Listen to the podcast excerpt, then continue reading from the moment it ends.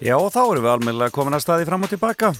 Eins og áður sagði heiti ég Felix Bergson og ætla að vera með ykkur fram til tíu frétta og hefum margt skemmtilegt framundan í þessum þætti.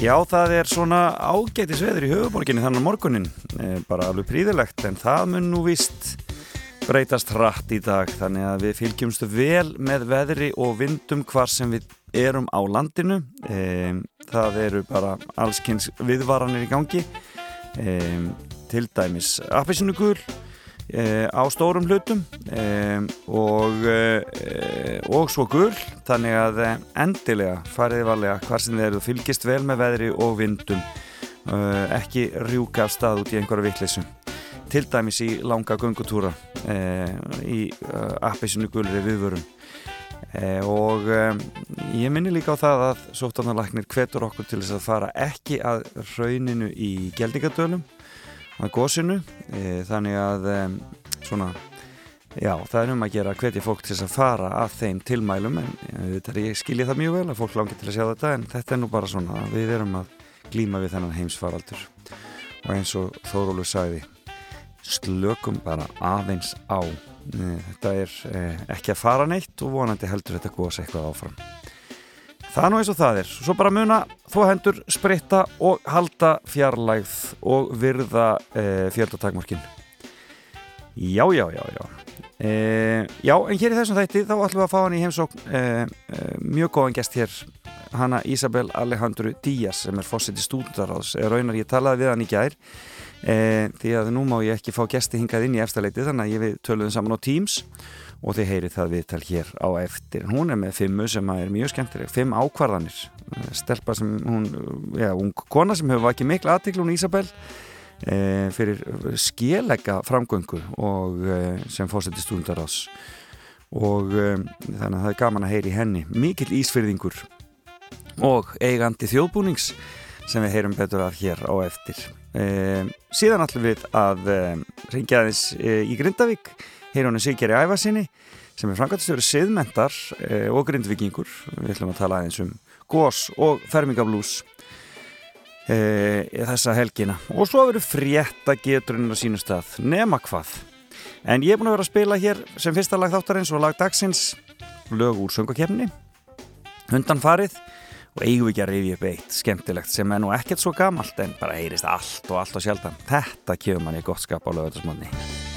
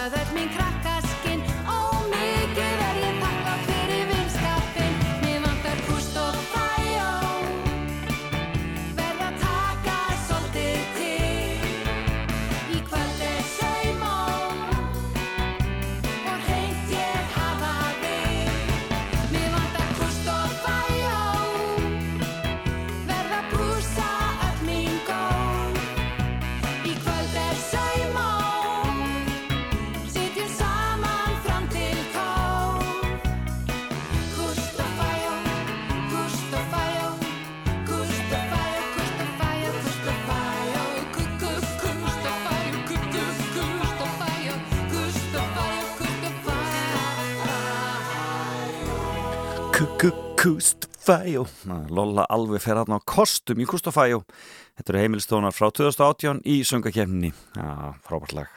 En það fyrir að líða því án Ísabel Alejandra Díaz verði hér hjá okkur. Fósiti stúdendaráðs, við rættum fimmuna hennar En við skulum heyra fyrst í Adele og svo byrjum við Ísabel að tala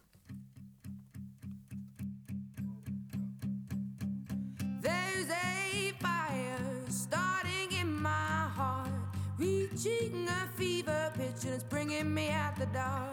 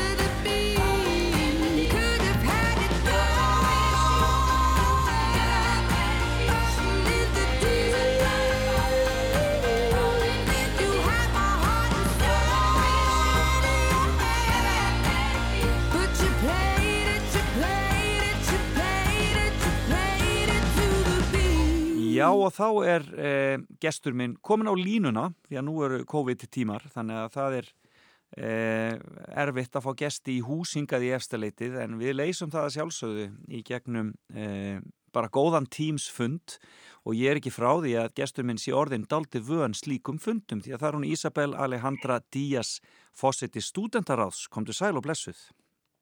Takk, sæl, takk hérlega fyrir bóði. Gaman að heyri í þér. Um, og til hamingjum er Sigurinn stóra hjá eitthvað rösku fólki í háskólanum í kostningunum í vikunni. Já, þakka kærlega fyrir það. Þetta er hérna sögulegur sigur, stærsti sigur í, í sögu stúdendaráð sem og sögur röskup, þannig að við erum mjög ánæð og, og sátt og þekkum stúdendum kærlega fyrir tröstið. Og er þetta, er þetta komið til af, af þinni hérna, vegna þinnar góðu leiðsagnar og leiðtóahefileika þinna sem að þessi, þessi ára næst? Já, við, við svona leggjum mikið upp úr því að vinna með náðu saman og ég held að út af samfélags ástundinni þá að höfum við náða að gera það í miklu meira mæli. Stjórnstúndar ást til að mynda þetta hefur aldrei fundað svona mikið myndi ég segja eins og, eins og núna. Þannig að við hefum verið rosalega samstíga og mér finnst hérna þessi segur vera bara um, verið til vasksum það að, að stúndar séu mjög sáttir með þá vinni sem við höfum uh, leitt núna síðust síðustu fjögur árin. Frábært. Um, e, já, og þannig að þú ert búin að vera heilmikið fjölmiðlum að tala um svona málefni stúdent á svoleiðis. Hvernig hefur þið liðið að vera í svoleiðis, í svoleiðis sviðsljósi? Mjög góð spurning. Uh, mér hefur liðið bara mjög vel. Já. Og það er rauninni bara út af því að ég, ég trúi á, á það sem við erum að gera um, og, og er búin að vera náttúrulega í stúdendapolítík í rauninni fjögur ár núna. Já. Og og mér finnst við vera að sína árangur þannig að það er rauninni er bara mjög gott að geta komið í svona áleis og komast í þá samfélagslega umræðu þannig að stúdendar fáir viðegandi rött í samfélaginu. Frábært, gaman að heyra. Eh, en hvað ert að læra sjálf? Ég er útskjóðar stjórnbólafræðingur okay. og var í spænsku einna í útskjóðast sem stjórnmálaðafræðingur með spænsku sem aukagrein. Okay. en er núna sem sagt búin að vera að sinna hlutverki fórseta stúdentar ás í 100% starfi. Þannig að ég er ekki í námi eins og stendur. Ertu, hefur hugsaður að fara í, í lengra nám í stjórnmálafræðinni eða? Já, ég er að hugsa um að fara í alþjóðarsamskipti og það eru bara mjög goða líkur á að gera það í Háskóla Íslands. En ég veit samt kannski ekki alveg, það er svona allt, allt opið og, og ég er til í að skoða allt. Frábært, það er um að gera, halda hlutunum sæmulega opnum. Heyrðu, en Já. þú ert með fimmu fyrir Já. okkur og, eh, og þarna, e, hún er skemmtilega, fimm ákvarðanir. Er, erstu, erstu ákvarðan að tökku fælin manneskja eða... Ég er það nefnilega og ég læt að fólki í kringum mig taka ákvarðanir fyrir mig. Okay. Þannig að það að ég geti þér hér í dag einhverjar fimm uh, ákvarðanir þá, þá þýðir það að það eru ákvarðanir sem ég hef tekið mjög vandlega uh, og sé alls, alls ekki eftir. Þannig að, um, já. Skemmtilegt. Við skulum byrja bara á þeirri fyrstu. Hvað er fyrsta ákvarðan sem að, sem að Ísabel tók? Já, sko, ég ætla að byrja á eitt hérna, mjög skemmtilegri ákvörðun og það var, uh, það er svo að ég ákvað uh, þegar ég var í, í metaskóla að sauma mér þjóðbúning. Um, og ég saumaði mér 20. aldar upplutt og sem tók mig nýju mánuði að sauma þannig að þetta er svona litla barnið mitt ef svo mætti orða það. Já.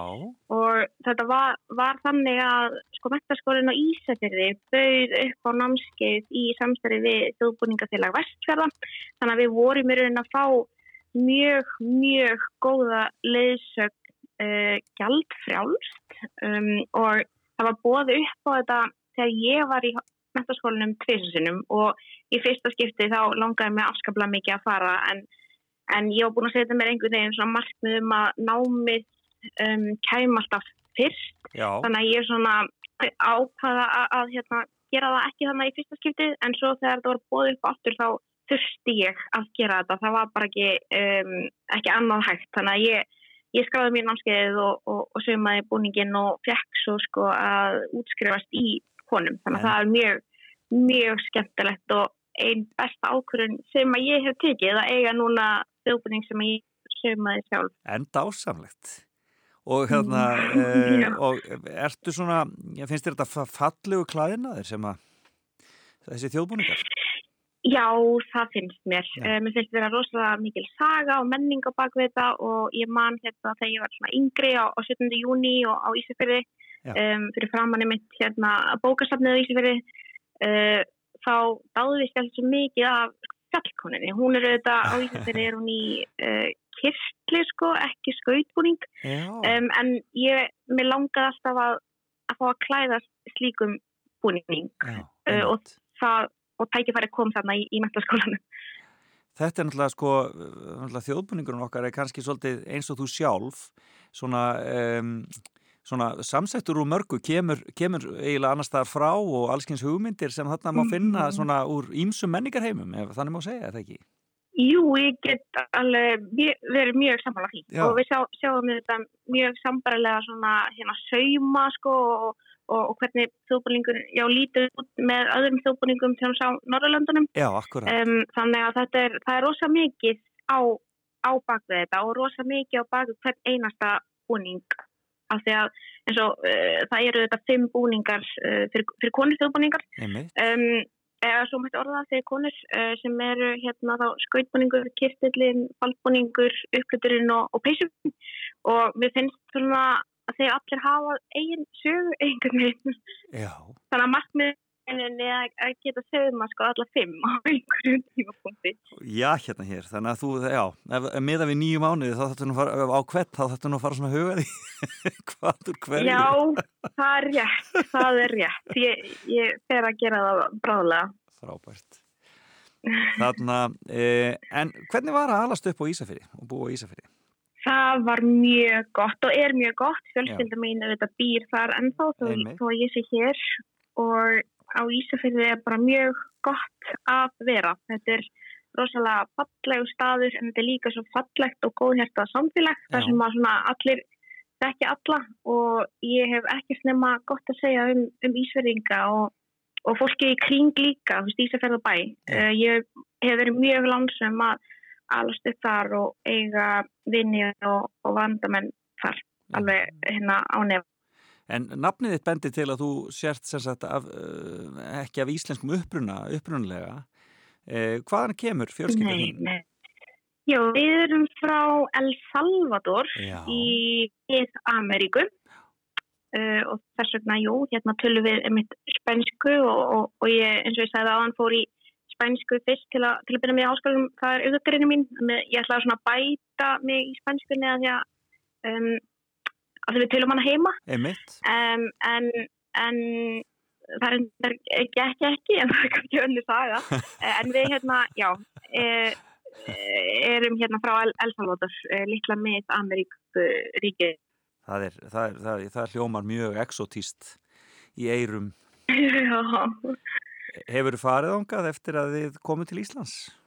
jú, ég hef farið einu sinni, með minnir að það hafi verið 2005 eða millir 2005 og 2007 og mann samt afskaplega en ég man að mér var rosalega heitt og mér langaði að komast aftur í kuldan á Íslandi.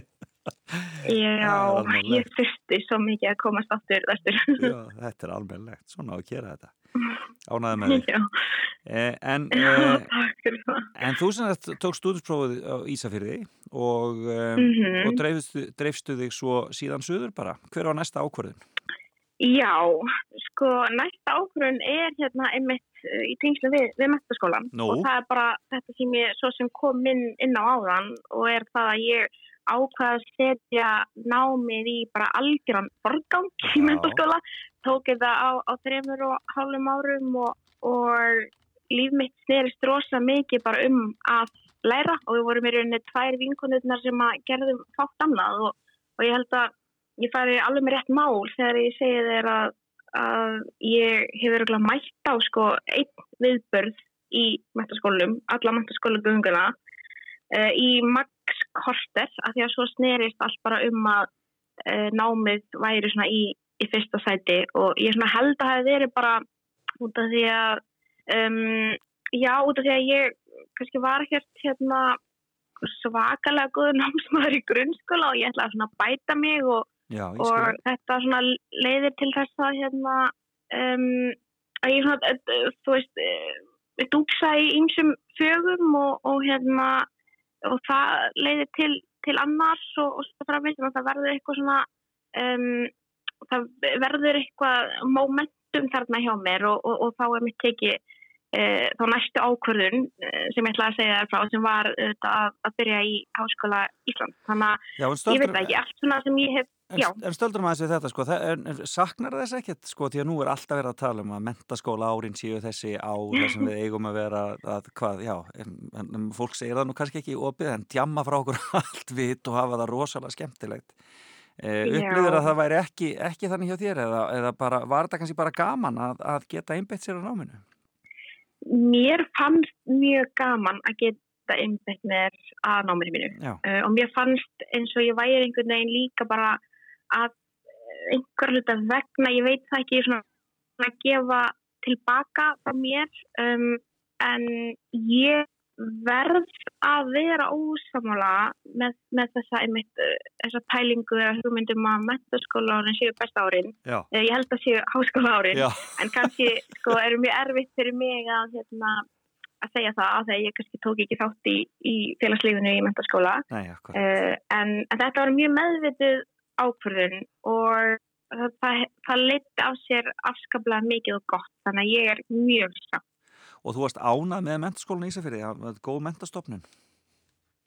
Já, ég var mjög ánað með, með MI og, og hérna er það bara um, já, hluti af því að eh, þetta sem ég saði við áðan að, þetta er svo gott og tröst samfélag fyrir Já, vestan já. og ég upplýði það líka í, í mentaskólanum þannig að ég hérna mér þykir rosalega vænt um mentaskólan á, á Ísafjörði, það er alveg ljúst Frábært. En næsta ákvörðum var semst að, að drífa sig þá suður og fara í Háskóla Íslands.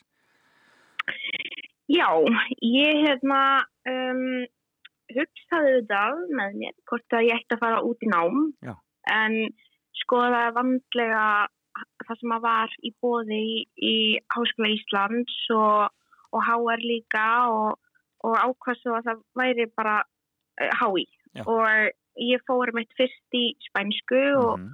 og hugsaði með mér að ég ætlaði að bæta orðaforða minn og, og svo fyrir að veist að því að við tölum með mitt spænsku heima en íslenskar mín eru þetta bara e, móðurmálið mitt ef svo mitt orða, það er svona fyrsta málið, Einmitt, ég veit ekki alveg hérna, ég tala ekki mikið um móðurmálið en fyrsta málið, um, en það gekk kannski ekki ekki mjög vel. Á þessum tíðanpunkti í lífið mínu get ég eiginlega ekki lært kannski sko málfræði eða, eða stafsendingu, þetta, þetta er bara tilfinning sko, hvernig ég tala um, hvernig ég ser setninga saman, þannig að uh, ég var ekki alveg að finna mig í í spænskunni já, og byrjaði að skoða hvað annað ég ætti að gera og, og var að hugsa um sagnfræði að ég var svo gaman af, af sögu uh, og menningu ólíkra uh, menningar heima að landa. Mhm, mhm. en ákvæmst að vera í stjórnmálafræði.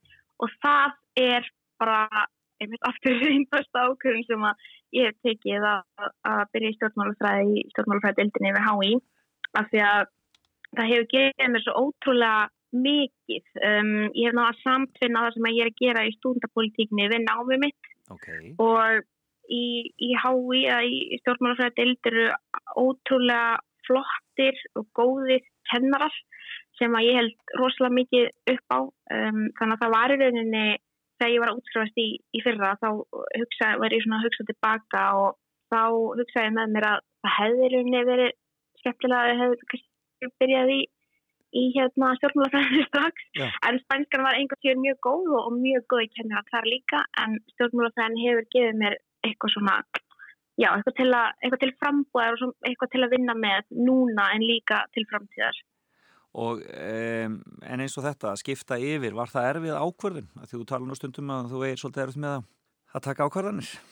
Já, sko, já, ég held ég hafi viðrað þetta við afskaplega marga og, og ég er líka, sko, svo litið hérna uh, með valkvíða einmitt, eins og ég segi þig, ég hugsaði á ég að fara í sagfæði, ég hef kannski meira á því, ég var rosalega færi því þó ég segi sjálf frá í mentaskóla, átti mjög góðan einmitt kennara þar, Og um, en svo var stjórnmálafræðin, og með límheila, svona fljóta læra ártölu og svo leiðis. um, já, allavega þá, Nei, nei ég, var, var afskaplega færi, færi þessu fæi Já. og, og eh, fannst þetta að vera þá svona röggréttast ákvörðin en það var eitthvað sem að um, kallaði til mér að mér fannst rosalega spennandi við stjórnmálafræðina en hafði aldrei verið mikið fyrir stjórnmál, bara alveg alls, alls ekki ok. þannig að það hrætti mig rosalega mikið að allt henni fara í eitthvað sem ég hafði aldrei haft áhuga á, veist, aldrei á svona landspolítík. Uh, þannig að uh, ég, ég held sko ég hafi verið þetta við, um, nei bara bókstaflega alla. Og, og svo var loka neðustan að uh, taka áhættuna sko. Og það er eitthvað kannski einmitt sem ég hef lett líka í gegnum þessi síðustu þrjú-fjögur ár að þú þarft stundum bara að taka áhættina og mm, gera eitthvað öðruvísi og fara út fyrir þægindaramman og, og þá áttu þessar sko bestu upplifanir að mínum að því.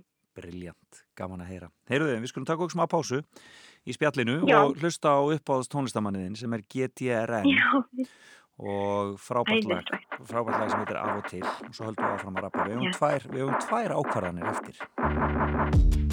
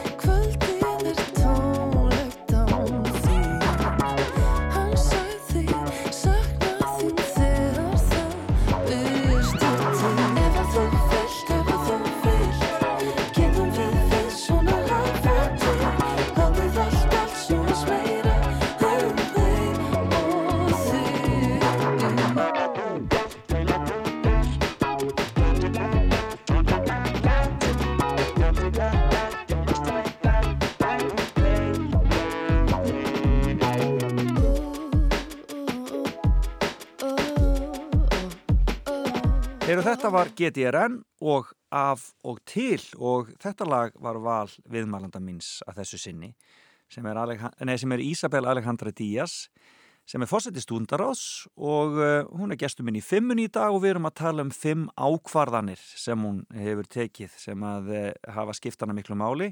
Svo fyrsta var að sauma uh, þjóðbúning í mentaskólanum í Ísafyrði sem tók hana nýju mánuði. 20. aldar upplutur hef ég skrifið hérna hjá mér setti námið í forgang, uh, það er næsta ákvörðun, ákveða að setja námið í forgang í mennskólum Ísafyrði og svo þriðja að, að skella sér í hái og fara í spænsku en hætti þó þar og fór yfir í stjórnmálafræði. En hver er fjörða ákvörðunin, uh, Ísabel? Hún er þetta mjög beintengt öll þessu sem við erum búin að vera að tala um Já. og það er þetta sko að byrja í stúdnapolítík, að byrja í, í rösku sem að ég gerði í raunum leið og ég byrjaði í háskólanum 2017 uh, fór þá strax í, í að kynna mér þessi mál. Að vísi var mér svo sem bóði í það því ég ætlaði mitt aftur að setja svona námið í, í forgang.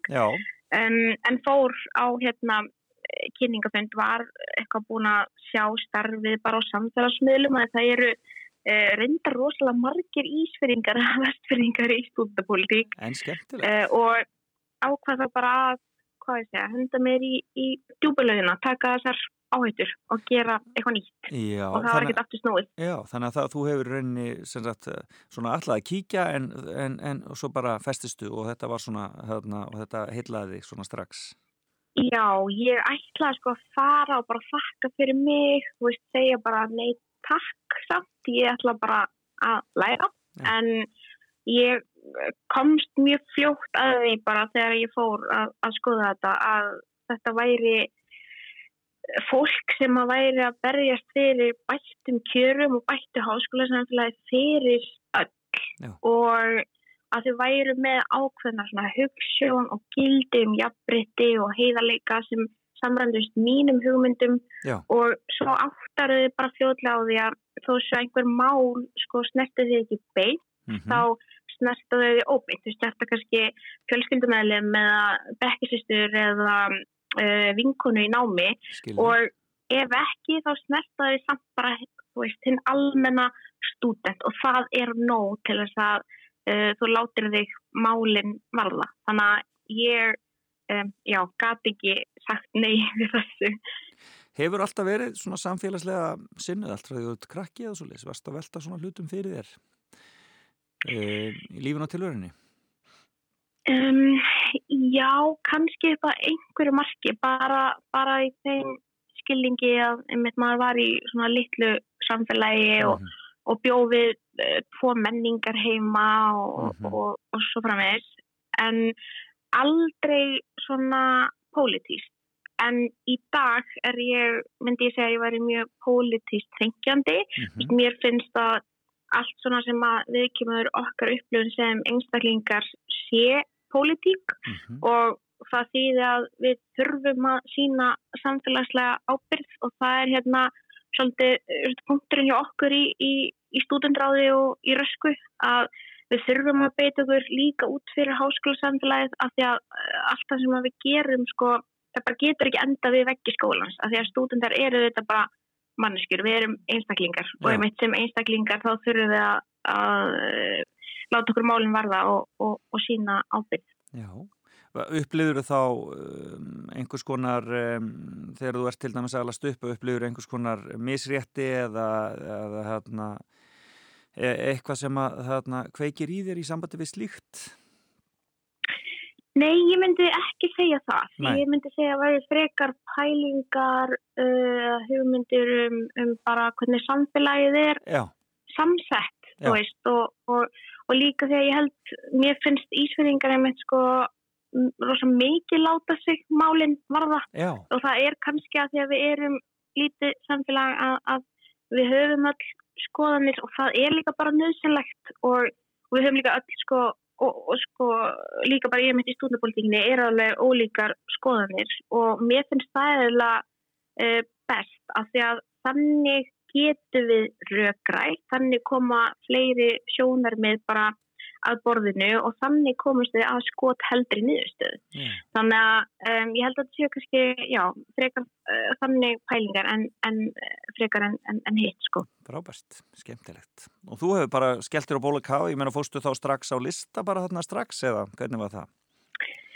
Ég byrjaði sko í stjórnrösku, þá var ég nýlega fulltrúi í eitt ár og svo ákvæði ég hérna að gefa kosta mér í varafósetta rösku og, og hlaut kjör 2018 Já, um, og svo 2019 þá ætlaði ég með þetta að hætta þessu eða svona ég ætlaði aðeins að kúpla mig út og, og klára síðasta ári mitt í háskóla um, þannig að ég væri að einbetta mér alfæri að náminu. Mm -hmm.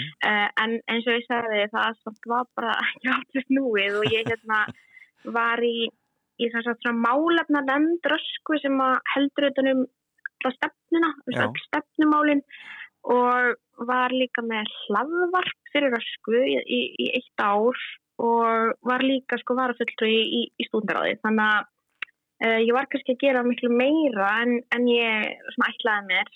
En, en það var svolítið rosalega gaman og, og, og gaf mér mjög, mjög mikið til dæmis að vera með hlaðvarp. Ég hafði aldrei gett slíkt og, en það var mjög skemmtilega reynsla uh, og ég held að hafi tekist bara ágætlega vel til. Um, þannig að já, ég var, ég var í því og, og svo þá þarna í fyrra 2020 í kostningunum þá vorum við að kjósa í, í háskólaráð líka Já. sem er aðstafald skólans og, uh, ég ákvaði að gefa hérna kostum með þar og, og, og leiti listan til háskólaráðs um, og hlaut kjör þannig að ég er búin að vera að gera það samsliða uh, stúdendaráðin. Já, ok, þannig að þú líka, já, já, ég skil, þannig að þú situr á báðum Já, stöðum.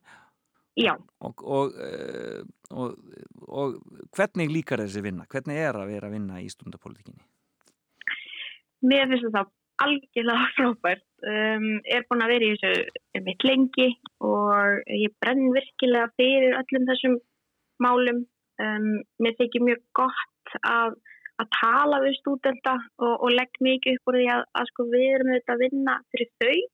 Um, þannig að þau geta komið til okkar og, og segja okkur hvað hva þau vilja sjá, hvað mætti fara betur um, og svo framvegis og, og við höfum verið í, í mjög góðu, góðum samskiptum við stúdenda einmitt á þessu ári Já. og höfum náð að byggja mjög mikið á tröst á mill okkar.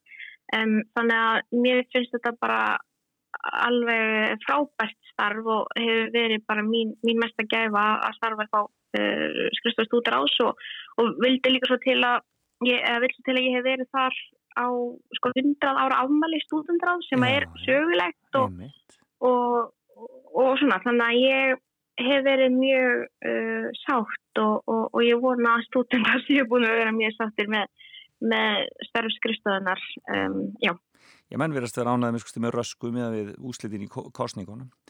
En hvað með, en, já en hvað með fymtu ákvörunina og þá síðustu? Hvaða ákvörun er það sem Já. segir okkur? einmitt, það er hérna kannski um, aðeins ég veit ekki, öðru vísi Já. ákveðin, ég veit ekki sko hvort ég geti kallað hana ákverðun um, en, en þú komst auðvitað inn á það áðan að hérna, ef ég að ég væri ætti eftir að reykja til El Salvador. Um, og ég hérna hugsa alltaf að það gerist ekkert sko ástæðalausu uh, það er alltaf einhver ástæða fyrir, fyrir öllum sem á sér stað. Og það er ekki beint mín ákvörðun sko að endilega flytja til Íslands um, eða búa með sko ömmu minni og, og afa en, og það er einhvern veginn sem að gerist þetta bara. En, en mér langar samt svolítið að tellja uh, með sem ákvörðun.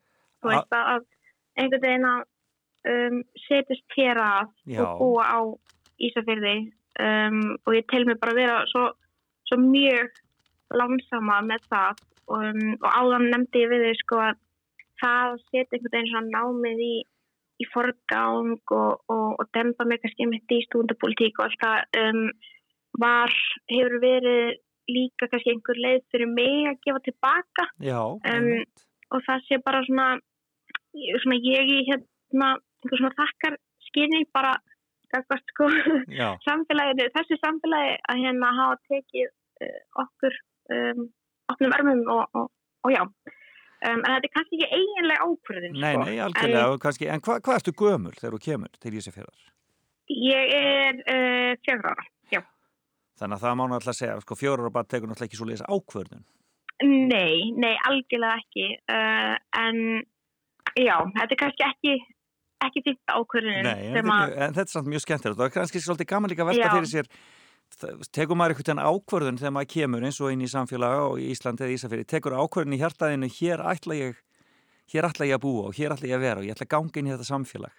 Já, sko, uh, ég get vel upp, uh, hérna, tyggt við það, veist, upplifa það, að hérna, líka, veist, svolítið ákveðun um að um, ég er ótrúlega, hérna, mikill Íslandingur, en ég ætla líka næra, hinnar rætuna mínar, Já, um, og, og ég meitt svona, táka ákveðun um að, já, ímislegt, svo sem, eins og nefndu við áðan, ég, hérna, tala ekki um, kannski, beint móðumál, heldur meira íslenska, kannski, fyrsta máli mitt og spænskan kannski hérna annar málið og svona, þú veist, allar svona já, bara líka, þú veist, ákvörðin um að þá vera virkur þáttakandi í, í samfélaginu og Akkurat. láta sér málin varða það.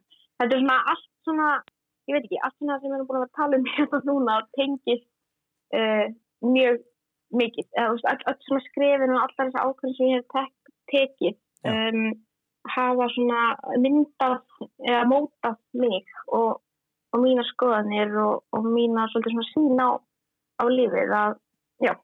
Briljant, þetta er skemmtilegt, gaman að velta þessu fyrir sér og ég menna þetta er bara algjörlega frábært að, að, að, að sjá hvernig þið gengur, hvað þið gengur vel að, að takast á því þau verkefni sem þú hefur tekið að þér. Tímin að flógin frá okkur, Ísabel. Já. eins og gerist þegar maður er að tala um eitthvað skemmtilegt. Um, svona þínum persónulegu hugum, hva, hva, hvernig ætlar að hafa uh, sumarið og svo leiðis? Er einhverjar ákvarðanir komnar? Nei, ég hérna, get ekki sagt það. Við erum þetta núna í, í annari bylgu og skólin, skólinum hefur lokað byggingum skólans og um, við erum að vinna í, í úrraðum fyrir sömarið og líka til yngri tíma en það hefur einhelgakaða stúndar að veri aðverðisbæti fyrir stúdenda. Þannig að hugur minn er einhvern veginn bara allur þar Já, og ég verð að tækla þessi verkefni og og svo sjá til hvað ég ætla mér að gera. Já, þú, þú hættir sem fórseti hvað í sumar eða hvað? Já, sem sagt, uh, starfstjónabili er til fyrsta júni, já. Já. Uh mhm. Þannig að, já, bara spennandi tímar framöndan held ég. Algjörlega.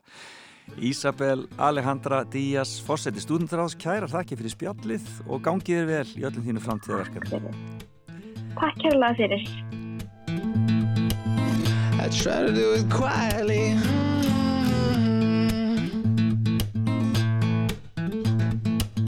Not a whisper, more like a shock.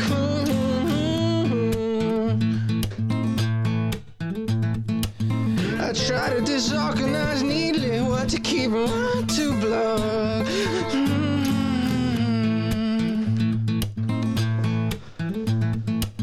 I shout like that old fly.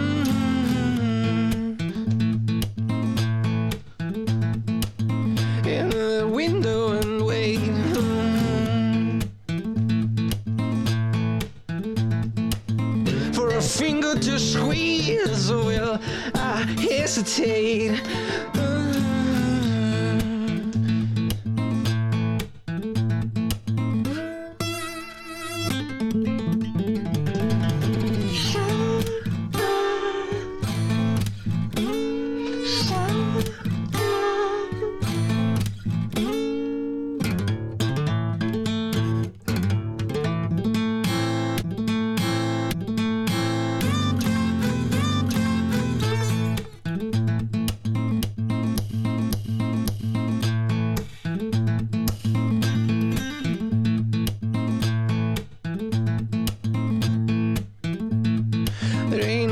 Cause there ain't no plane.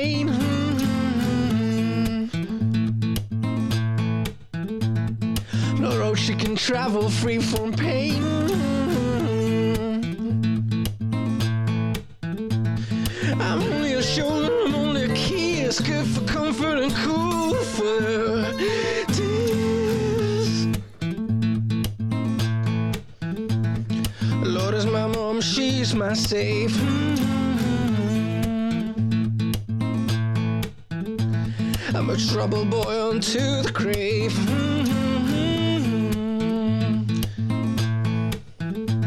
I pretend she's blessing, blessing me, hoping she'll save me from uh,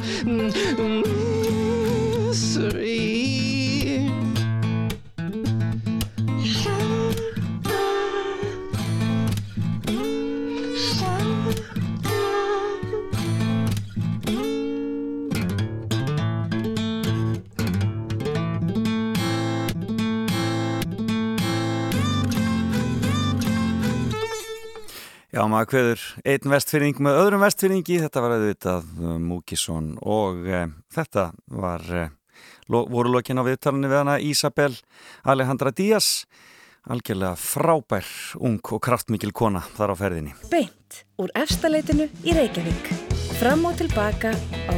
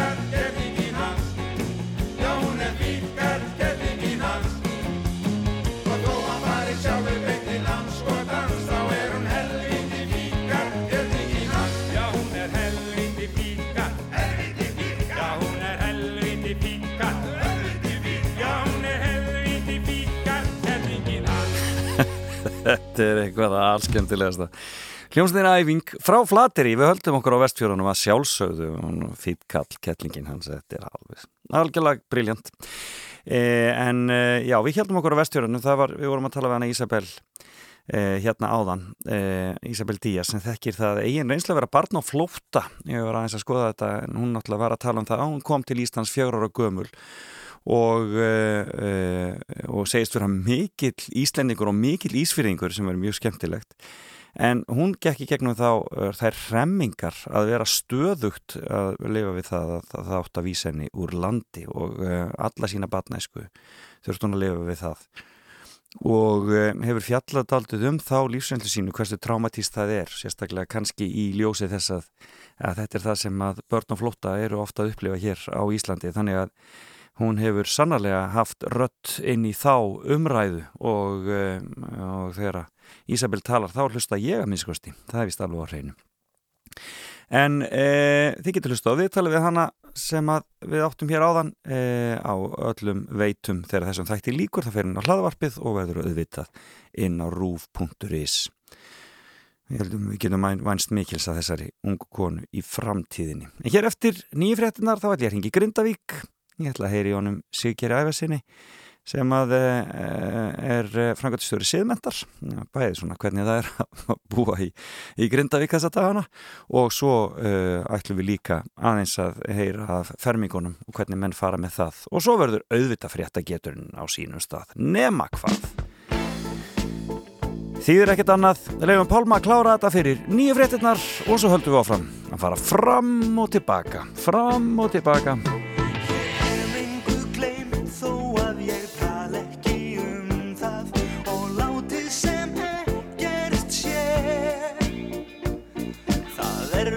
just gained something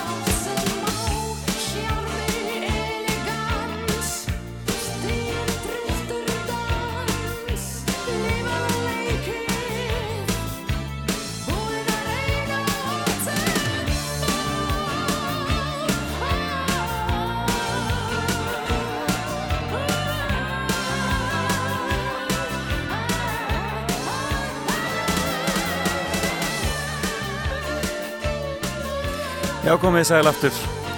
Þá höldum við áfram hér á Rástöðum í þættinu fram og tilbaka og það var auðvitað Andrea Gilva og uh, Grafík sem að hófa þetta hjá okkur uh, með henni frábæra lagi um Prestley. Það var margið sem mun eftir því þegar Andrea kom fram þarna þessum tíma sem henni nýja, nýja söngkona Grafík eftir að helgi hætti og uh, já, hún bara sló algjörlega í gegn ótrúlega mögnuð nýröttin í Íslands pop þarna þessum tíma og gaman að velta fyrir því, þessu fyrir sér þegar maður er að sjá þessa þætti ströyma sem eru svona að taka tímabilin fyrir uh, hvað hefur gerst svona í gegnum tíðina í, í uh, já, íslenska popinu kannski og svona bara uh, alla þessa þjóðfélag ströyma sem að streyma um þarna. Og um, það verður þáttur í kvöld, það verður gaman að sjá hvernig hann verður, ég held að þið séu að fara í sjönda áratvín það sem er kallað sexuna Það verður spennandi að sjá hvernig þau takast á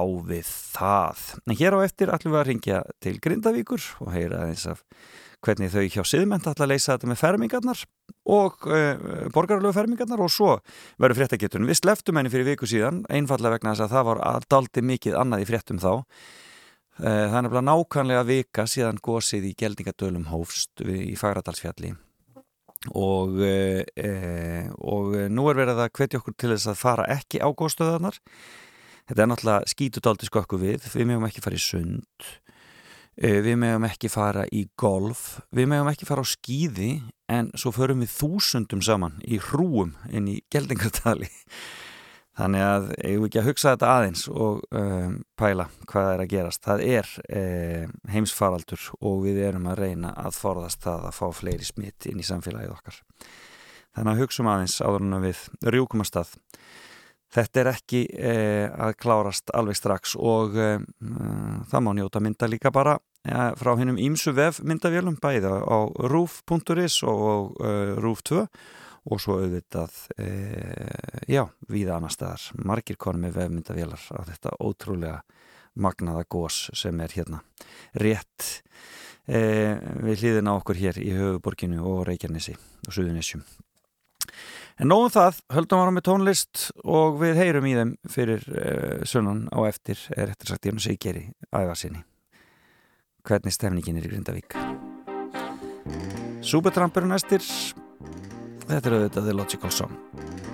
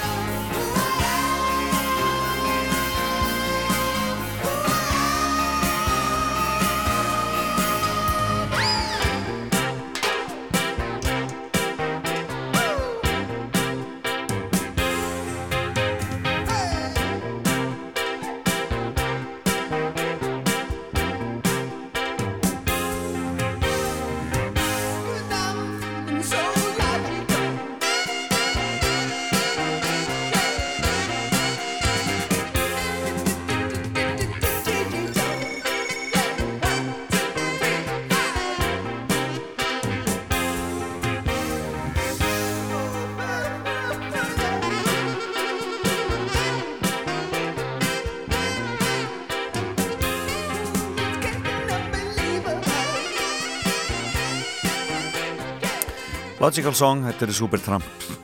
En Jón Ólásson var að senda frá sér nýtt lag og það gleður alltaf. Það heitir frétt nummer þrjú og við skulum heyra það á meðan ég reyna að ná í hann Sigir Ævarsson í Grindavík. Þú ert að hlusta á Fram og Tilbaka með Felix Bergsinni á Rástfö.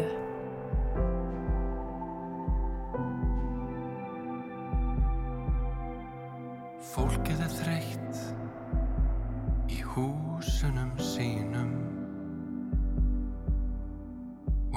húsin eru þreytt á því. Húmjárnin læsast um lúin hjörtu. Lífið er þungt, lífið er þungt sem blít. Í stofu hverri kepluð vonin Krafsar í hurð og vegg Úti býður úr slita maður Og brosir í beita egg. Og sunnudagskvöldi klukkan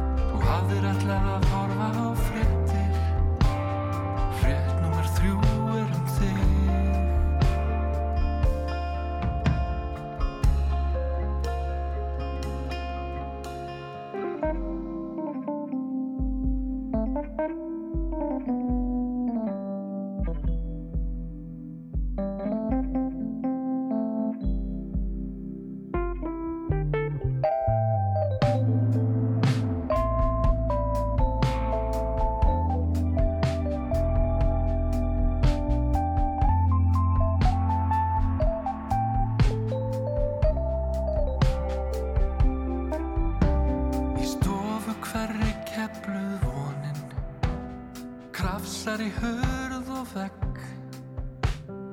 Úti býður úr slita maður Og brosir í beita egg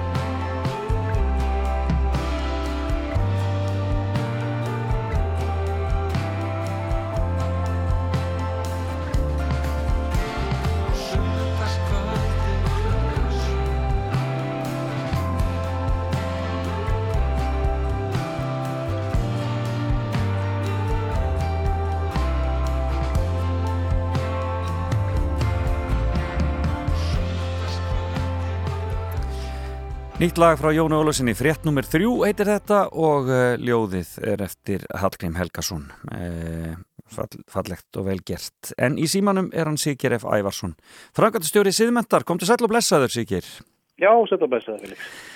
ja, Hvernig er ljóðið í Grindvíkingum þennan morgunin, er farið að blása okkur nokkuð svona til að byrja með? Jú, jú, það er bara algjör glugga veður. Ég hljótt í bakari á hann og ég bara var næstum úti hérna á leiðinni, sko. Maður á ekki að fara á inniskónum þó að þetta lítir rosalega vel út að bara ekki fara á náttutunum inniskónum út í bakari, heyrði, Það er, það er bara það beint á móti, sko, en það er ofreistandi. En ég, ég skil alveg að, að hérna, íslendingar séu illa klættir á leiðinni í gósið, sko, Já, miðað við hvernig þetta lítur út, já, einmitt. Það er, er, er svolítil, svolítil, þarna, gestagangur í bænum. Þetta er bara, þetta er, þetta er hálf fáránlegt, sko. Það bara, maður kemst alltaf um í bænum á sumum, hérna, köflum, sko, því að það er bara byðraðir við, veist, það er- er heilt ringtorkið inn í bænum, sko, Já. það er bara byðrað við það. Já, og þú veist, hérna, sjoppan og búðinn og veitingastæðin, þetta er bara eins og bara á brjáluðu túristasumri, sko, nema Það- núna eru ferðamennir mögulega með bannvennan smittsjúkdóm með sér í farteskinu. Já, þetta er svona, þetta, þetta er ekki rosalega sniðut, það verður Nei, maður að segja þetta er eins og svona er. því ekki að sverða, sko. Algjörlega, og hvað, sko, er fólk að ganga frá Grindavík eða hvað? Eh, Ekki, ekki það var það fyrst, sko, þetta var bara algjört kaos og Já. þá voru bara, þá var fólk bara að ganga bara einhvern veginn allstaðar frá, sko. Já, lagði bara og lappaði á stað, já. nánast sko. Og en, en núna er þetta svona hérna, þjappað meira hérna, við Suðundavegin það sem er náttúrulega miklu, miklu stittri leið sko. Auðvitað. en það er bara bíl við bíl og, og hérna, þessum að ég sá að fólk var sko sem ég þekkti var að fara núna millir 5 og 6 í morgun sko til að vera undan trafíkinni Einmitt, já. Þetta er svona eins og þegar fólk fer á, hérna, á Kínamúrin, það, það er svona, það voða gott að fara einmitt, leggja stað frá hótelin sínu svona um fjöguleiti og reyna að vera komin upp um átta áður en allt verið vittlust. þetta er, þetta er hálf fáralegt sko. Já. ég held að mér er ekki ykkur 20.000 manns búin að fara þarna Jú, þetta ég segi það og það, já, það eru þá um, 300 og fjö- eh, 20.000 eftir eða hvað það er. Þarna, e, þannig að, já, varlega, en er, er, er, er þetta ekki, hvernig, hvernig finnst svona, hvernig er bæra búið að taka í þetta, hvernig er, hvernig er hljóðið í fólki? Er þetta búin að hlera það eitthvað? Já, við erum náttúrulega búin að búa við þessa endalösu jarðskjálta hérna Já. bara, hvað, í meir en ár. Já. Ég held að, og flestum sé bara eiginlega hálf, hálf létt. Já. Þetta gósi kom nú ekki upp á, á verði staðin þetta, svona til, það sko. Og, Hérna- og, og e, þannig að það ógnar ykkur ekki í rauninni að neinu viti og, og jarðskjálftarnir hafa, hérna, hafa minkað mikið. Já, nákvæmlega. Þannig að, veist, akkurat núna er maður bara, er maður bara rosalega einhvern veginn, já, ma- maður er bara létt sko. Já, hérna. Þú veist, maður, maður veit það alveg þegar eru jarðskjálftar að, að það er nú afskaplega litla líkur á því að, húsi fara að hrinja ofan á mann og þarf fram til göttunum sko.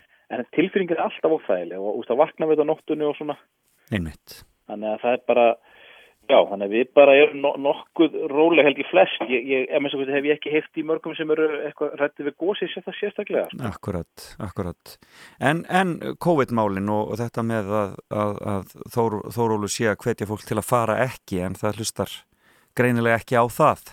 Nei, nákvæmlega og við höfum nú, það, þetta er nú sko það lítill bara, ma maður er náttúrulega búin að frétta það daginn eftir sko ef einhver fær COVID hérna Já, og það hefur nú verið afskaplega lítið af þeim hérna síkingum hérna já, en ma maður svona manni finnst þetta óþægilegt sko. við vorum einmitt að spá í að fara í gær ég og hérna kona mín og nokkur fleiri og Já. við bara ákvaðum að blása það af þegar að hérna þegar maður fara að heyra fréttinar að það verður að koma möguleg smitt og, og svona sko Já, manni finnst, finnst það bara ekki, ekki hérna, réttleitanlegt svona meðan að ástandi er eins og það er sko já, kannski mitt þetta sem að Þórólu sagði, slaka bara aðeins á býða í mm. minnstakosti svona nokkra daga eða jafnvel viku í viðbót og hérna vikur í viðbót og sjá svona hvernig þetta þróast saman áður en lengur haldið. En það er, það er meira eh, sem COVID snertir á þér því að sem frangatastjóri siðmættar þá er þið búin að vera undirbúa rosalega stóra helgi í Jú, jú. borgarlegum fermingum Ég, og það er allt saman farið. Hvernig ætlið að leysa þessi mál? Já, þetta er náttúrulega við hérna við svona vorum farin að gera ráð fyrir þessu sko við áttu vona á þessu þegar smittin fóru að rjúka upp aftur. Já, ég skil. en, en raunveruleikin heldist yfir okkur á miðvikudaginn sko. Já, og þá ég, ég persónulega upplýði bara svona spennufall og dóða sko maður bara einhvern veginn þetta voru hvað, einhver 180 börn sem átt að vera núna um helgina voru 160 cirka þar áður og, og hérna og bara náttúrulega rosalega mikil skipulagsvinna sem, að, sem er bara fauk bara út um gluggan á einu bretti sko. Já, að því að það þarf náttúrulega, þú veist, það þarf að bóka salin, það þarf að bóka ljósmyndarans, skreitingarnar, atriðin, ræðumannin og allt þar fram til göttum. einmitt. Fyrir utan náttúrulega sko bara allt hérna, allt umstangi í kringum börnin sjálfs, þetta er náttúrulega að fá, fá nýja, nýja hérna dagsetningu og það þarf að senda tölvupósta og allt það, þannig að hérna, Já, þannig þið hefðu hugsað ykkur að gera það, bara að fresta þessu þá fram á sumarið eða hvað eða? já sko, þeg, þegar að hérna, þegar að hérna COVID fór nú aftur að stað einhvern tíma núna fyrra árinu, þá, þá bættum við auka dagsetningum í sumar, því að það voru þá fækkaði svo haft marga gesti við nú, við erum með í háskóla bjónda fyrir ára og við erum með einhver, einhverja 800 til 1000 gesti í hverja aftöp sko. Þannig að það var náttúrulega auðvitað ekki að koma því við þannig að við bættum við dagsningum í sumar uh, við erum borgarleikusinu í júni og svo hörpu í ágúst. Já, og við erum svona að horfa til þess að fjölga þá í kringum þær, þá daga en hérna, og vonandi geta þá verið með fleiri í salnum og svo leiðis. já og, og, bara, og verið þá með fle, þá áttu að vera þarna einhverjar til tvær aðtarnir í júni og vera þá bara með sko sex aðtarnir og svona þannig að þetta verður alltaf hel, helina púsluspil og það, þetta verður rosa törnir þessu kemur sko. Já, já, akkurat. Það verður, allir að, að hugsa í lausnum. Já, og við náttúrulega gerðum þetta líki fyrra sko, og þá, Já. og þá hérna færði við ákveða að vera alveg seg og vera með eina dagsningi oktober og svo datt hún út þegar COVID kom aftur sko. Já, það er alltaf að bregða stuð aftur og aftur og aftur sko. Já, akkurat, þetta er á, á, er á, svolítið, líjandi til lengdar sko. Já, já, skiljanlega, en þetta bara, við vonum að þessu, þessu linni fyrir rest. Já, maður er alveg hættur að segja, maður er alveg hættur að tala um einhverja tíma. Ha, ég var að sjá einhvern, hérna, einhvern Facebook status, já, ég nei, já, ég sá hérna Trump er að tala um það hérna í þættinu sem var í sjóarfinu, hvernig hann ætlaði að opna, það var í fyrra, hvernig, hann, hvernig bandaríkinn fengi að færa að opnast smá saman hann um páskana. Það var aldrei gott. Það var, ná, það væri svo Ég- góð tímasetning. Það væri mjög svona myndrænt að fara að opna allt af páskana. Já, já, ég, ég er nú í björnsinniskasti búin að bóka mér sko sumafrí í ágúst til útlanda. Ég, ég er ekkert vissum að það gangi það fyrir bara akkurat. fyrir frestað þessu svo margt annað. Það er bara byðstaða er svolítið þemað í lífinu þessa dagana. Maður verður bara að taka því með, með ró og Sannarlega, stóiskri ró. En, þess, sko, ró. en þessar dagsetningar eru kannski ekki sko, í borgarlegum fermingum. Þetta er náttúrulega þið náttúrulega svo sem eruð ekkert sérstaklega föstu páskana eða svoleiðis í, í, í Nei, þessum borgarlegum þetta fermingum nema bara kannski þá bara út frá skólatali barnana eða hvað? Já, og sko, við höfum verið reynd að vera ekki á sama tíma á kirkjana með sína fermingar, bara ekki síst bara, sko, það þarf að lega sali og svona undir fermingarnar, þetta verður rosa trafík, sko, Já. og hérna, þannig að við erum bara opinn fyrir nánast hverju sem er, Já. og hérna, og fólk eru að horfa á sjómandarshelgina, kvítasunnuhelgina, það er svona, en svo er náttúrulega rekst alls konar á, veist, það er menninganótt í Reykjavík ágúst og svona, þannig að það er, það, er, það eru mörg púslís og púsluspili, sko. Sannarlega. Það verður aðtilsett að sjá hvernig og við fylgjumst með því hvernig þau er með þetta allt saman en, en þarna, það er greinilegt að það verður ekki, minnst kosti þessar helgarnar núna í mars Nei, og það byrjun er bara apríl. al- alveg útsið með það. Það var alveg útsið með það. En Siggeir, það var gaman að heyri þér og ég bara hvet ykkur öll til að fara varlega í Grindavík og Já, fyrir fylgja, það. fylgja sóttanreglun og bara chilla aðeins heima, hlusta bara rástu að hafa huggulegt, er það Já, ekki? nákvæmlega, eina vitið. Eina vitið. Gaman að heyri þér. Sjöfumlegið, Já, bless, bless. takk, takk. Bless.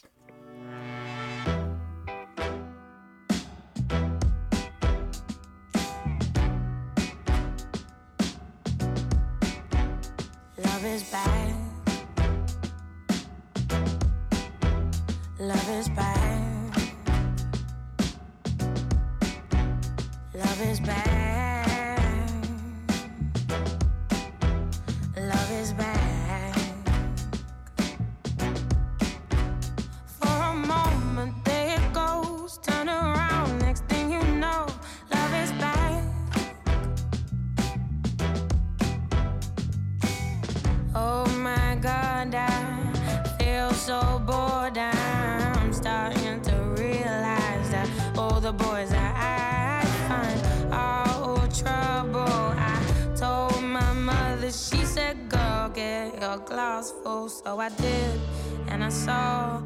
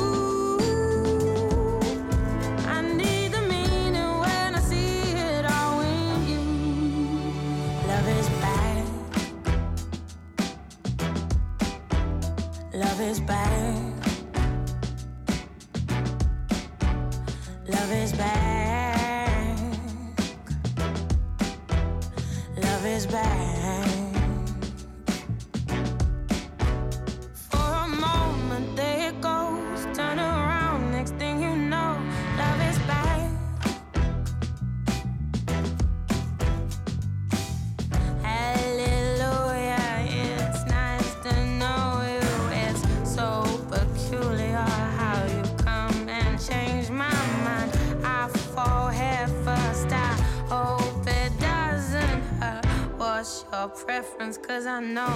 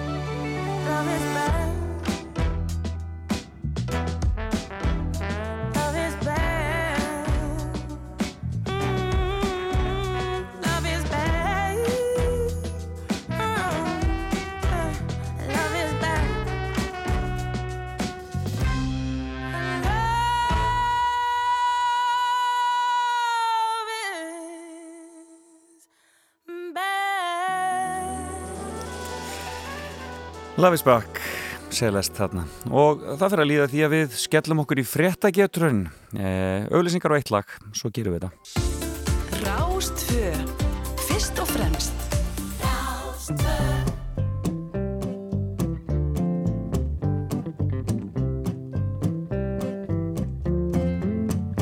Halló komið all á fætu er veðrið borgin yðar sér í takt. Sjáuð hvernig lífið lætur, það er lílegir en nokkur orð þá sagt. Þetta er algjör bong og blíða og básúnur og trommur hljóma þrjumul vel í dag. Frá hljómskálanum sömbutónar líða út í loft Þegar lúðra sveitin þeitir heitan brag.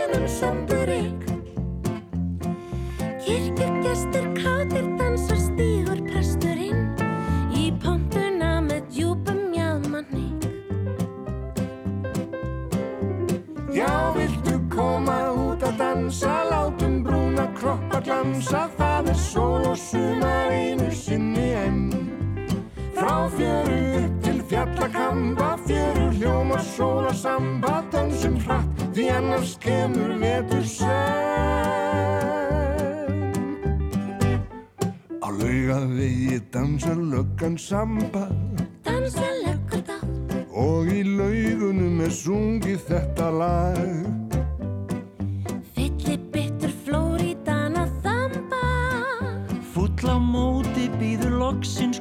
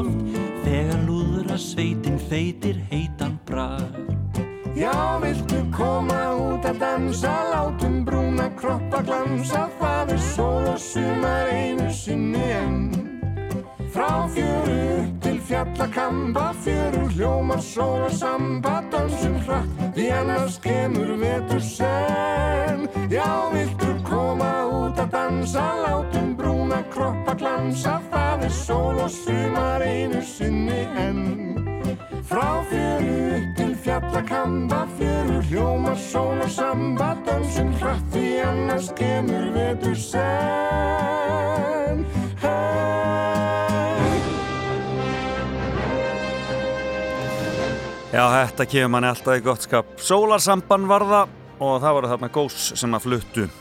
Jæja, erum við til í fréttageturinn. Símin 5687123 5687123 og verðlaunin út að borða á Hard Rock Café. Og e, það er eins og venjulega þannig að þið þurfið að svara þremur spurningum rétt og höfundur spurninga að þessu sinni Átnir Freyr Magnússon sem að, e, já, hefur þetta aldrei erfiðar þessu sinni þannig að þið þurfið að hafa fylgst svolítið vel með. En það er eiginlega ekkert búið að vera í fréttunum um þetta gós og COVID en við ætlum ekki að vera þar. Þannig að nú bara reynir á ykkur sko, nú reynir á ykkur. E, það er hérna ímislegt í gangi, er það við skulum bara fá að heyra í fyrsta hlustanda. Góðan daginn. Góðan dag. Hvaðan ríkir þú? Ég er á Selfossi. Þú ert að selfósi, þið verðið ekkert var, vör við gós þar eða hvað? Nei, Nei Það er ágætt, já bara rólegt, rólegt á selfósi já, ég má horfið bara á þetta sjóarfinu. Já, það er fínt, það nægir bara, það nægir Heyrðu, ertu, fylgistu vel um fréttonum? Mísjátt. Heyrðu, við skulum byrja hérna Þetta er nú svona sem hafi verið aðeins Eh, Í vikunum var Erna Solberg fósittis að þeirra Norex í vandræðum Hún er sökuð um að brjóta sóttandarluðu Noregi Hvað í ósköpunum gerði Erna? Já, einmitt. Hvað gerði Ég er Erna Solberg? alveg lens á þessum. Eha, Erna Solberg Alltaf í fjölmjölum maður Er það ekki með þetta? Lítur á að fara eitthvað, að skemmta sér eitthvað. Já, það má segja það, en ég þarf þetta aðeins nákvæmra. Heyrðu, þú veist þetta ekki, þá bara reynum við segja, Takk. Takk fyrir að ringja, bless, bless. Já, nei, halló, góðan daginn. Góðan dag. Hóðan og blessaðan daginn. Sæll og bless, veist þú hvað án Erna Solberg á að hafa gert af sér? Já, með minnum hún hafa orðið 60 og, og frestast til að hafa of marga ættingja í veisluhöldum. Já, tveimur meira að segja. Já, Já, ekki einu heldur tveimur. Og svona að gera þetta, já, já, já, já, þannig að hún er búin að beðast afsökunar en verður nú kannski bara hreinlega söktuð fyrir þetta. Það er svona. Já, það, það er gert í öllum betri löndum. Já, þetta verður einhvern veginn ekki gerst með okkar ráðamenn, eða það? Nei, Nei, já, nei. en það er annar mál, við skulum ekkert vera að tala um það. Hvað er þetta að ringja? Ha, ég er að ringja eins vestarlegu vesturbænum og eiginlega á hægt er. Nú, ég er bara sjórin fyrir andlitin á mér. Það er almennilegt, þetta er besti staðar á Íslandi. Ég sé alveg frá gróttu og upp á miðja þessu allar hringin. Sko. Þetta er dásamlegt. Já, Heyrðu, en það spurning hvort þú fylgist nú vel með fréttunum. Þú komið eitt rétt og Já. næst ætla ég að spyrja þig að þessu. Í vikunni var Íslendingurinn Nathan Dagur Benediktsson í fréttum og hefur verið svolítið í fréttum upp á síkastið en hann vakti talsverða aðtegli í Noregi. Við höldum okkur í Noregi. En hvers vegna vakti Nathan aðtegli í Noregi? Og hefur verið að vekja aðteglinu undanfarnar vikur. Þessu bara, þetta er farið fram hjá mér. Þetta hefur farið fram hjá mér. Já. Já, bara Þann- hó, hóa í næstu. Þú hefur, hefur ekki hugmynd um þetta? Nei, Þú vilt ekki skjóta? nei, allan hafi ekki bara verið með, ég veit ekki hver þetta er, er, Nei. er, þetta, er, er hann hérna, bara með einhverja, halda einhverju tónleika og svona. Já, ég get ekki gefið þér rétt fyrir það en þú ert samt svolítið heitur. En takk Já, fyrir að ég- ringja. Ég veit það, já, takk fyrir. Byða heils í Vesturbæn. Vestast. Heyrðu, nei, það er ekki hægt að gefa rétt fyrir það. Góðan daginn. Góðan daginn. Veist þú hvers vegna Nathan í Noregi hefur verið í fréttum? Hann er hérna, hann er þekktur í Noregi og víða fyrir fallega söngurödd og tók þátt í einhverju söngakefniðar, minnum mig. Já, veistu það, ég held ég gefið bara alveg rétt fyrir þetta. Hann er, semst að, hann er að keppa Vannana, en hann allavega sló í gegn. Hæ, hann er að keppa í henni núna, eða var að keppa síðast þegar ég frétti og það var þarna The Voice í Noregi og Já. þykir um voðalega flottur. Heyrðu, þú út komið eitt rétt, en hvaðan er það að ringja? Var það hérna úr þínu hverfi rétti út á svosinu? Þetta er almennlegt, já, já, það er, það er, og, og er ekki ennþá gott viður átt núti? Já, það er bara að blíða, sko. Það er gott. Úti vista veður. Já, þá. Heyrðu, þeir eru ennþá að kjósa í Ísrael. Manstu hvað hann heitir fósætisráþeran í Ísrael? Eða ekki alltaf hann netan já. Jú, jú, það er ennþá netan já. Hann hangir á þessu eins og hundur og róði. Og mér skilst hann hafi unnið þetta einu svona enn þannig að þetta verður nú eitthvað, eitthvað, einhver uh, kreppan hann til viðbútar. En nú er spurning hvort þú klárar þetta hér þegar ég spyr. Í vikunni heyrðist brotur læginu Ég veit þú kemur með Ellie Williams í bandarískun sjómastætti. Vistu hvaða sjómastáttur það var? Það er nú vestnaði það maður. Nei, býtu, ég aðeins... Uh, hann er mjög gríðarlega Það vinsælt. er Grey's Anatomy. Er það lokasvar? Já, já. Það er lokasvar og það er hárétt hjá þér. Það var í Nei. Grey's Anatomy. Einu sem ég gæt nefn. Já, akkurat, einu sem þú þekktir. Grístaksins. Grístaksins er komin. Heyrðu, vel gert. Hvað heitir maðurinn? Ég heiti Garðar Jónsson. Garðar Jónsson og þú ætlar að skella þér á Hard Rock þegar þú mátt. Alveg. Vilt ekki bara koma við hjá mér hérna í efstaleitun og sækja þetta í, Ekki hérna, í búnað. Algjörlega, sprittaður og grímaður og þá Sprittaður og takaðu, takaðu vel á mótið þér hér í móttökunni. Kæra þakki fyrir að ringja Garðar Jónsson. Takk um leiðis. Takk, já. Og þakk ykkur öllum sem að ringdu og tóku þátt í fréttageturinn í dag.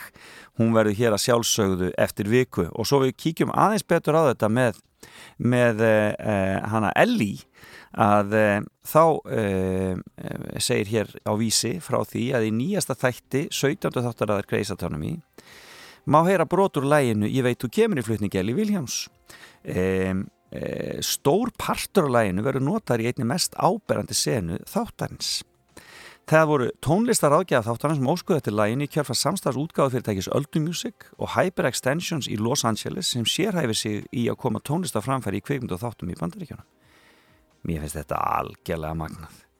Ellie Williams í bandarískun sjónum þetta. Svona átt að vera sko. En það er Eurovisionið og þetta lag er aldeilis að slá í gegn í Eurovision aðdáðandum. Þetta er framlag Dana í ár og er eins og það sé var á 1986.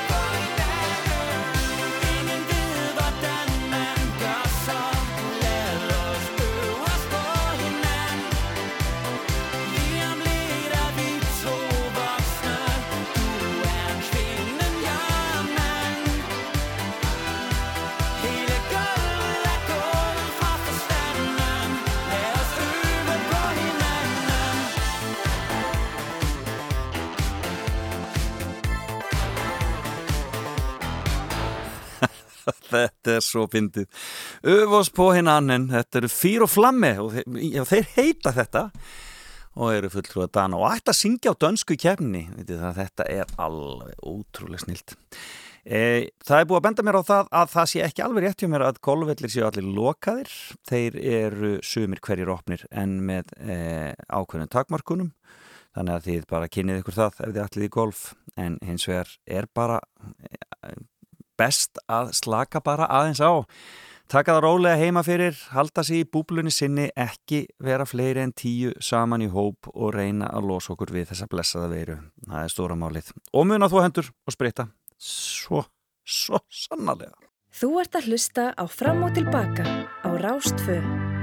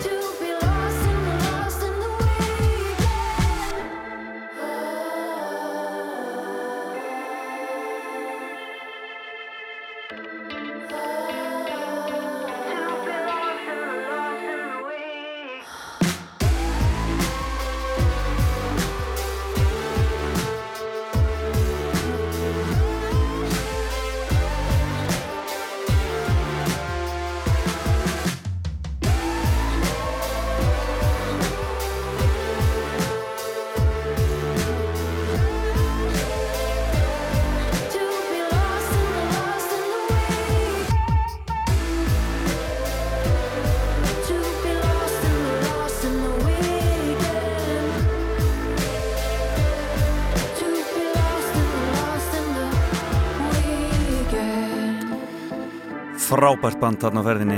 Þetta er Vög og eh, lag sem heitir Lost in the Weekend. En við hefum frábæra listamenn líka fyrir norðan. Kristína Arginsdóttir er einn, hún var 60 dögunum og fagnar því með það útgáfa þessu frábæra lagi Konan með sjalið. Vel gert.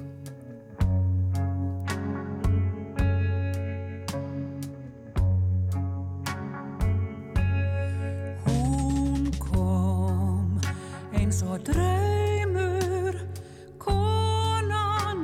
sjalið og hlustaði í kyrðin á kvöldbylgju hjalið.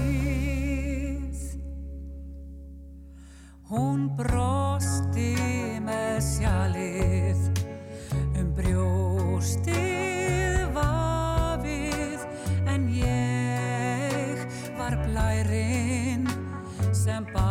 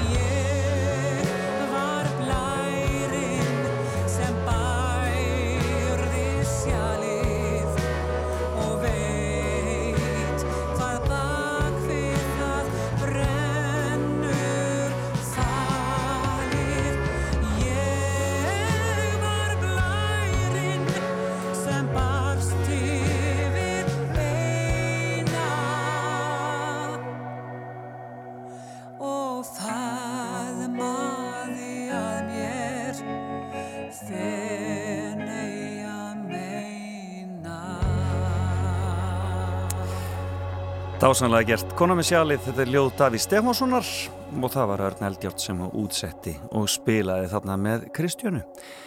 Frábælega vel gert. Já, þetta er búið hjá mér í dag. E, búið að gaman að sita hér með ykkur þennan lögutarsmorgun eins og alltaf og ég verð hér aftur eftir viku og raunar meir en það því að ég verð hér bæði á skýrta og föstudaginn langa og uh, tek þá uh, morgunvaktir hér uh, um páskana með góðum gestum. Ég þakka henni Ísabel fyrir heimsókninni í morgun og, og Sigger F. Ævarsinni, Ísabel Díaz og Sigger Ævarsinni fyrir að vera gesti mínir í dag og honum Garðar Jónsson óska ég til hamingju með að vinna fréttagjörtununa. Við heyrumst aftur eftir viku, Salka Sól tekur hér við eftir smá stund. Leifum Bubba og stórsöngkonunum GTRN og Bríeti að klára þetta. Þetta er Ástrós. Hann var skrýmsli og skaðinn sem hann olli Gaf mér einn grannar að kosta völ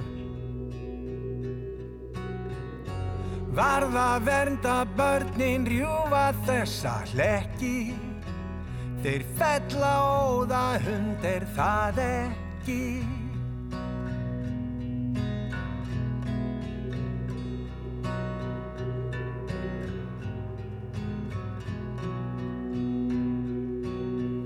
Hann lá á gólfinu á grúfu við borðin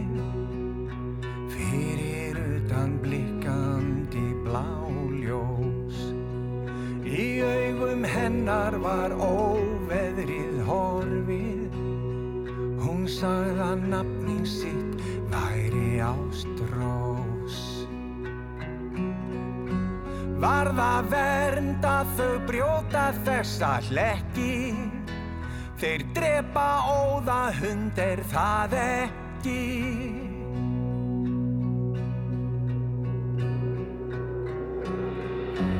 Fyrstu árin, fyrstu tárin Fyrstu sárin, aftur og aftur. Fyrsta höggið, fyrsta sjokkið. Fyrsta og aftur